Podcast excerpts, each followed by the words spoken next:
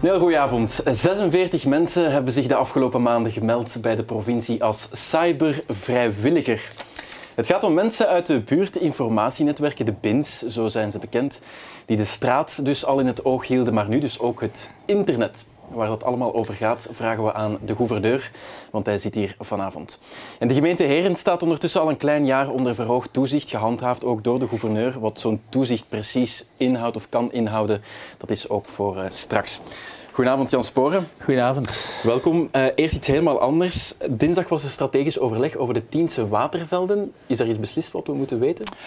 Ja, misschien even zeggen wat de Tiense watervelden zijn. Hè. Dat is een strategisch project uh, dat uh, vanuit de Vlaamse regering ook wordt gesteund. Hè. En ik ben als gouverneur door minister Demir gevraagd om dat strategisch project voor te zitten. dat gaat, gaat over eigenlijk... bufferbekkens en, en, Ja, het gaat eigenlijk over het circulair gebruik van water. Als je weet dat de Tiense suikerfabriek, eh, dat daar met eh, het verwerken van de bieten 1 miljoen kubieke meter water per jaar vrijkomt, dat uit de mhm. bieten komt.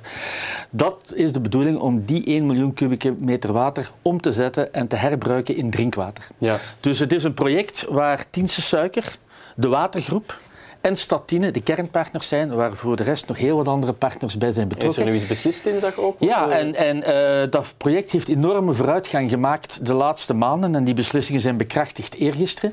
En dat gaat over drie zaken. Hè. Dat gaat, ten eerste gaat het over de verwerving van de site. Het gaat over de site van het oude militair vliegveld uh, van ah ja, De gronden moeten allemaal Ja, de gronden moeten verhoren worden. Dat zit in de finale fase. Zal door mhm. de gemeenteraad van Tienen uh, normaal volgende week worden finaal bekrachtigd. Okay. Ten tweede gaat het om de opmaak van een ruimtelijk uitvoeringsplan, want anders kan je op zo'n site niks doen. Dat is een heel complex proces waar uh, deze week Vlaanderen en de provincie de handen in elkaar hebben geslaan en gezegd, kijk, we gaan dat samen doen. Vlaanderen neemt de lead en dekt de kosten mhm. voor de studies. De provincie voorziet het personeel. Dat is een fantastisch voorbeeld van hoe twee bestuursniveaus kunnen okay, en samenwerken. En het derde is dan het masterplan. Dat is eigenlijk waar het studiebureau nu is aangeduid en het werk is opgestart om te bepalen wat gaat daar gebeuren. En dat is heel interessant voor de mensen, omdat ik heb gezegd, het gaat initieel om circulair watergebruik, maar daarvoor zijn grote bassins nodig. En nu zijn we aan het kijken of we daar ook geen waterrecreatie kunnen ja, laten het, plaatsvinden. Het fameuze Tine Beach, dat is mij in heel dat project nog een beetje onduidelijk, er is al veel over gezegd, maar komt dat er nu ook in zwemzone? Want dat maakt het relevant, zoals u zelf ja, zegt. Voor dat is de bedoeling dat het onderzocht wordt. Hè. Hoe dat juist gaat uitzien... het, gaat er, het is nog niet 100% ja, zeker Of het er, gaat komen, uh, de finale beslissingen over wat er gaat komen, dat moet uit dat masterplan volgen en dat zal uh, tegen halfweg volgend jaar moeten ja. beëindigd worden. En, maar de doelstelling is wel dat we gaan kijken hoe we die bassins die worden aangelegd, hoe we die kunnen gebruiken ja. voor waterrecreatie. Want uh, ik trap een open deur in als ik zeg dat waterrecreatie, dat dat al maar belangrijker wordt. Mm -hmm. En je zit daar met een paradox. Aan de ene kant, hè, we krijgen warmere zomers, klimaatopwarming. Uh, uh, en dus burgers zijn meer en meer vragende partij voor waterrecreatie. Ja. Aan de andere kant, de vereisten voor qua milieu, maar ook op vlak van veiligheid, energiekosten enzovoort mhm. worden alsmaar hoger. Uh, hoger. En dus heb je minder zwembaden. En dus dat is een spanningsveld waar we denk ik als publieke overheid wel iets aan moeten doen. Dat is ook waar de deputatie nog uh, druk over moet debatteren als het gaat over de halve maan en het uh, pad in uh, Ja, inderdaad. Waar een studie loopt om te kijken van hoe gaan we in onze provinciedomeinen naar de toekomst toe die waterrecreatie verzekeren. En als het van u afhangt, zou dat dan moeten blijven, ook die provinciedomeinen, de halve maan en, en Kesselo? Ik denk dat, ik heb daar als gouverneur niet rechtstreeks zitten nee, zeggen, de deputatie, maar ik vind dat men een hele goede aanpak hanteert door te gaan kijken of uit te gaan van het standpunt sowieso moet er waterrecreatie zijn en dat men daar nu een uitgebreide studie op loslaat die gaat kijken naar een aantal randvoorwaarden. Niet alleen de kosten, maar ook welke doelgroepen wil men bereiken. Wil men het hebben over mm. kleine kinderen en families, jongeren, uh, ook ouderen die meer en meer zwemmen? Ja. Uh, wat soort zwemrecreatie heeft men voor ogen? Is dat echt sportzwemmen in lange baantjes? Is dat eerder spelen? Ja. Is dat recreatief? En dat is men nu allemaal aan het bekijken, ja. ja. Laten we eens kijken naar uh, die opleiding voor cybervrijwilligers, cyberpreventieadviseurs worden ze eigenlijk genoemd, hè, als ik het goed heb. 46 mensen hebben zich daarvoor aangemeld, 32 mensen daarvan komen uit Oost-Brabant, Diest en Lubeek zijn een beetje de pilootgemeenten. Ja. Wat moeten die mensen nu eigenlijk precies gaan doen? Cybercriminaliteit, dus uh, criminaliteit via digitale weg, dat wordt al maar een groter probleem. Valse Overal, voilà, voilà, voilà, ja. uh, phishing enzovoort. Uh, en, en de impact daarvan is soms enorm. Hè. financiële impact daarvan, maar ook mensen worden heel onzeker om hun computer nog te gebruiken, terwijl die computer nu momenteel nodig is voor alles wat je in deze maatschappij mm wilt doen. Dus dat is, een, dat is echt een groot probleem.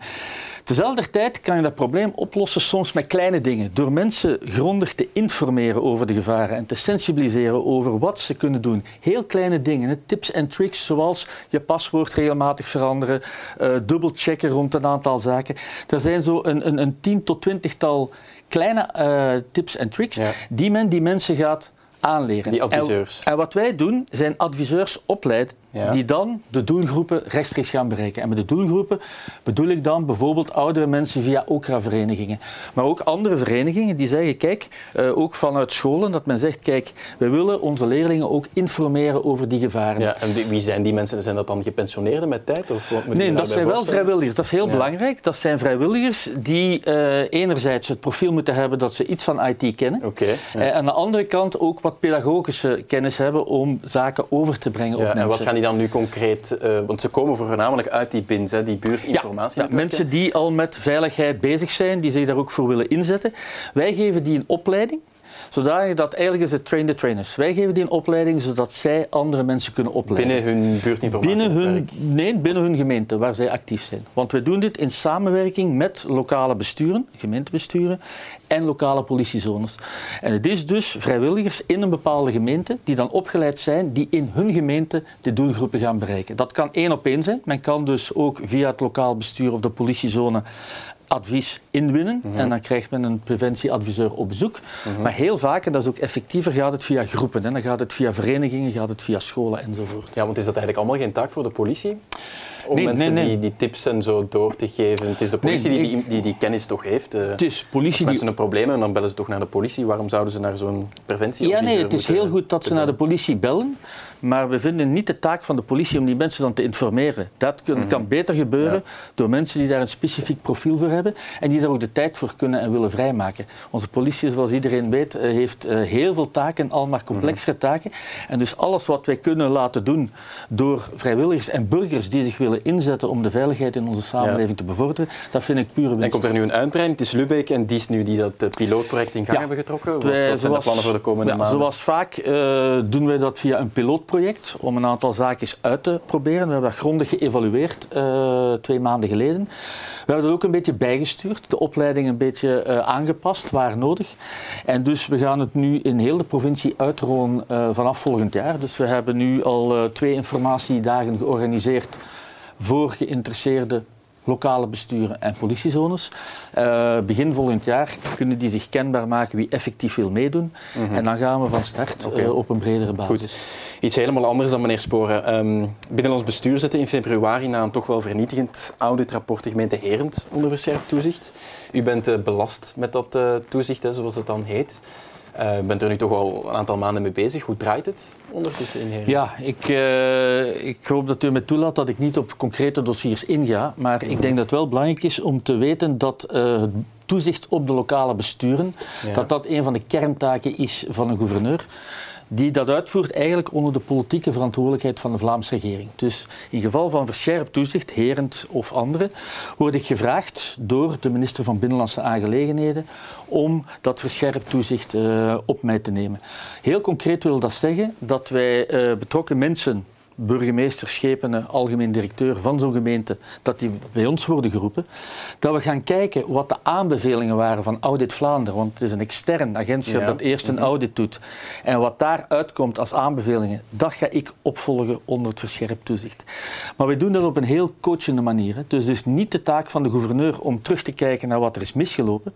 Ja. Het is onze taak om te kijken wat gaat men daaraan doen. Welke maatregelen gaat een lokaal bestuur in plaats stellen om te verzorgen dat die problemen naar de toekomst toe niet meer kunnen voorkomen. Ja. En is onze taak... er problemen geweest? Want dat rapport was toch vrij vernietigend. Het gaat dan ook nog over toxische werkomgeving, eh, mogelijke subsidiefraude, ja. belangenvermenging. Zijn, zijn daar dingen misgelopen? Tuurlijk zijn daar dingen misgelopen, maar zoals ik zei, ik ga niet op concrete dossiers in. Dat is ook een algemene regel die ik uh, moet respecteren. Ja. Maar natuurlijk zijn daar dingen misgelopen. Er zijn ook heel veel maatregelen genomen. Die worden nu geïmplementeerd. Sommige maatregelen nemen wat langer tijd dan andere. En het is dus mijn mijn taak om te zorgen dat die maatregelen effectief worden geïmplementeerd, maar ook te checken of die resultaten opleveren. Ja, en dat besef inherent is er wel ook bij het gemeentebestuur. Absoluut, men is daar eh, heel, heel, heel hard aan aan het werken, uh, zowel mm vanuit de politiek als de administratie. En over wat gaat dat dan? Uh, zoals ik zei, ik ga op concrete ja. dossiers niet nee. ingaan, dat moet je mij permitteren. In, inwoners van Herent, die, hebben die daar geen recht op, op, op die informatie? Jawel, maar er zijn rapporten die openbaar zijn, die zijn ook al in de pers besproken, die zijn uh, ook op de gemeenteraad besproken, dat zijn allemaal openbare documenten. Ja. Maar mijn rol als gouverneur is niet om dat nog eens hier te gaan herhalen, die zijn allemaal publiek nee. inkijkbaar. Mijn mm -hmm. rol is om te zorgen dat de maatregelen die zijn afgesproken, dat die effectief ook worden geïmplementeerd en resultaat opleveren.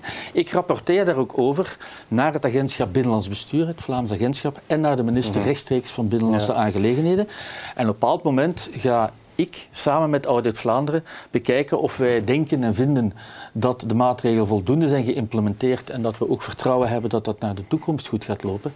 En dan gaan we dat verscherpt ja. toezicht ook op. En hoe, lopen zo'n gesprekken? Want natuurlijk inherent, het is één ding om een fout te maken, het is een ander ding om een mogelijk opzettelijke fout te maken, waar hier mogelijk sprake van is. Er loopt een gerechtelijk onderzoek. Loopt dat dan niet een beetje ongemakkelijk, zo, die, die gesprekken? Nee, ik denk dat nu net uh, de rol van een gouverneur is om dat in alle discretie te doen. En uh, een gouverneur moet ook, en ik hoop dat ik heb, het vertrouwen hebben van de uh, politieke colleges, ook van de lokale administraties.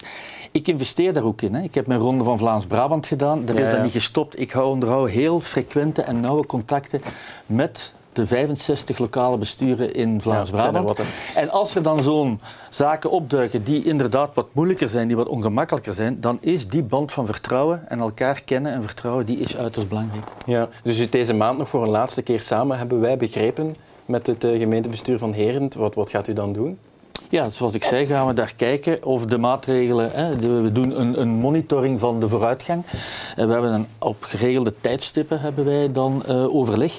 En ook nu gaan we kijken of wat we vorige keer hebben afgesproken, of, of dat, ook eens gehaald is, geïmplementeerd is. En als dat of niet dat, zo is, kan dat verlengd worden, dat toezicht? Dat kan verlengd worden. Uh, uh, ook in overleg met Audit Vlaanderen. die en dan kan dat doorlopen tot, tot, tot, de verkiezingen? Die Ehm, nog een jaar van ons zijn, maar... ik verwacht dat niet, maar verkiezingen spelen voor mij geen rol. Nee. Ik ben geen maar u hoopt wel dat dat dossier helemaal is afgerond? Ik denk binnen... dat dat dossier helemaal kan worden afgerond, ja. Ja, binnen enkele maanden dan? Ja. ja. Oké, okay. want we hebben ook cijfers gekregen van uw kabinet dat wel, die wel interessant zijn. 202 klachten kwamen er binnen in 2022 over mensen die een klacht hebben over hun gemeentebestuur. Is dat veel eigenlijk of, of niet? Uh, nee, dat is vergelijkbaar met de andere provincies. Maar we moeten wel het verschil maken tussen uh, situaties zoals in Herent of enkele andere gemeenten waar Audit Vlaanderen onderzoek doet, omdat men uh, denkt ja, dat 202, er, dat zijn, die 202 zijn klachten over van alle dingen. Over wat gaat het dan bijvoorbeeld? Uh, ah, wel, dat gaat bijvoorbeeld over de werking van de gemeenteraad of van het college. Dat beslissingen zijn genomen door uh, een orgaan dat daar misschien niet bevoegd voor is. Ja. of dat men vindt dat een gemeentebestuur zijn boekje te buiten gaat. Mm -hmm. of dat men geen antwoord krijgt op vragen die men gesteld heeft. Zowel van politici maar ook van burgers en verenigingen. En wat doet u daar dan mee met die klachten? Uh, ik onderzoek elke klacht uh, heel grondig samen met experten van het agentschap Binnenlands Bestuur. En uiteindelijk, en dat is wel uh, het recht en de plicht van een gouverneur, -hmm. om daar een beslissing in te nemen. Dat kan heel vergaand zijn. En ik kan een beslissing van een college of een gemeenteraad vernietigen. Heeft u dat al eens moeten doen in Oost-Brabant? Ik heb dat een aantal keren moeten doen. Gelukkig ah, ja? niet veel, okay. omdat wij dat bestuurlijk toezicht op een coachende manier ook weer proberen ja. toe te passen. Het gevolg daarvan is dat van alle klachten, 202 die binnenkomen, ongeveer een derde van die klachten heeft de klager gelijk, vinden wij. En dan ga ik maar een heel klein aantal gevallen vernietigen. In de andere gevallen ga ik tegen het bestuur zeggen: kijk, kan je pas het, fout, aan, pas het, pas het aan, aan, en ja. let op naar de ja. toekomst toe. Okay. In een derde van de klachten vinden wij dat de klager geen gelijk heeft. En in een derde van de gevallen uh, verwijzen wij door omdat wij zelf niet bevoegd zijn naar een andere instantie. Ja, dat is okay. een beetje de verdeling. Goed. En coachen is het, uh, is het codewoord. Absoluut. Dus, uh, Absoluut. Okay. Meneer Sporen, dank u wel voor de komst. Onze tijd zit erop. Dank u wel. Graag gedaan. En u thuis ook bedankt voor het kijken naar deze uitgelicht. Volgende week zijn we er uiteraard opnieuw. Tot dan. Dag.